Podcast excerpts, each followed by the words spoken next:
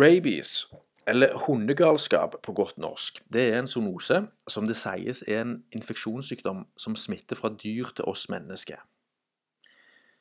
Og I forbindelse med sykdommen så sies det at smitten kan overføres fra hund, katt, vaskebjørn og flaggermus. Og Det påstås at viruset som overføres, ikke er aktivt, og kan forbli på skadestedet i uker, måneder og opptil ett år. For så å plutselig infisere sentralnervesystemet, uten noen videre mekanisk beskrivelse. Dette forårsaker symptomer som bl.a. hjernehinnebetennelse, krampeanfall eller hydrofobi, altså redsel for vann. Vel å merke så er redsel et framtredende symptom ved kvikksølvforgiftning. Historisk sett så var det den franske legen Louis Pasteur som påviste at rabies var forårsaket av en mikroorganisme. Og Han starta sine eksperiment med å bore hull i kraniet på kaniner og injisere forurensninga inn i hodet på dem. Og på dette grunnlaget her, ja, så utvikla han rabiesvaksina si. Og hans foretrukne metode det var å injisere en puré av hjernemasse intracerebralt på hunder. Og som, disse, ja, som, sikkert de fleste forstår her, det er jo prosessen i seg sjøl som er årsak. Altså Ved å putte forurensninger inn i hjernen på et hvilket som helst vesen, så vil det skape komplikasjoner med påfølgende symptomer. Når det er sagt, så undervises det allikevel innen biologi på medisinstudiet at det er et virus som er årsak. Dette til tross for at det viruset ikke er isolert per definisjon og identifisert.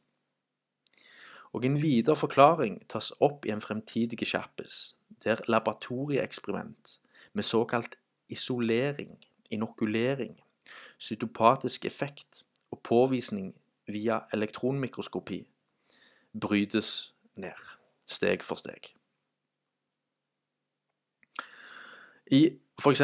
Philadelphia i Statene så er det et hundesenter som årlig håndterer ca. 6000 løshunder, og har drevet virksomheten i over 25 år. Og Det tilsvarer håndtering av totalt 150 000 løshunder, og har ikke hatt forekomst av rabies. Og på 1960-tallet så ble dyr isolert i flaggermushuler, der avgasser fra avføring til flaggermusene ble inhalert av dyra. Og dette i seg selv ga symptomer på rabies. Det ble òg påstått at et luftbåra virus i denne forbindelse hadde blitt isolert, for så å bli påført laboratoriemus intracerebralt som så resulterte i at 50% av gruppa av mus døde innen 48 timer. Men ingen smitteoverføring imellom musen lot seg gjøre. Med andre ord, dødsårsaken til musene skyldtes injisering av fremmedlegemer i hjernen. Som et annet eksempel, hvis en hund biter deg i armen, og du innen kort tid utvikler symptomer på rabies, er det da rettferdig å si at det er et virus som årsak? Hva annet kan befinne seg i spyttet til hunden? Og hvorfor er bl.a. symptomer på toksiske kjemikalier, som fra f.eks. kvikksølv, synonymt med symptomet som arter seg ved rabies? Begge såkalt angriper sentralnervesystemet og kan forårsake symptomer med redsel. Kjemikalier, toksiner, en kombinasjon av underernæring og mishandling, som i typisk u-land, er årsak til sykdommen rabies. Ikke et patogen som et virus. En zoonose som årlig krever vaksinering av dyr, en høyst lukrativ business for farmasiindustrien.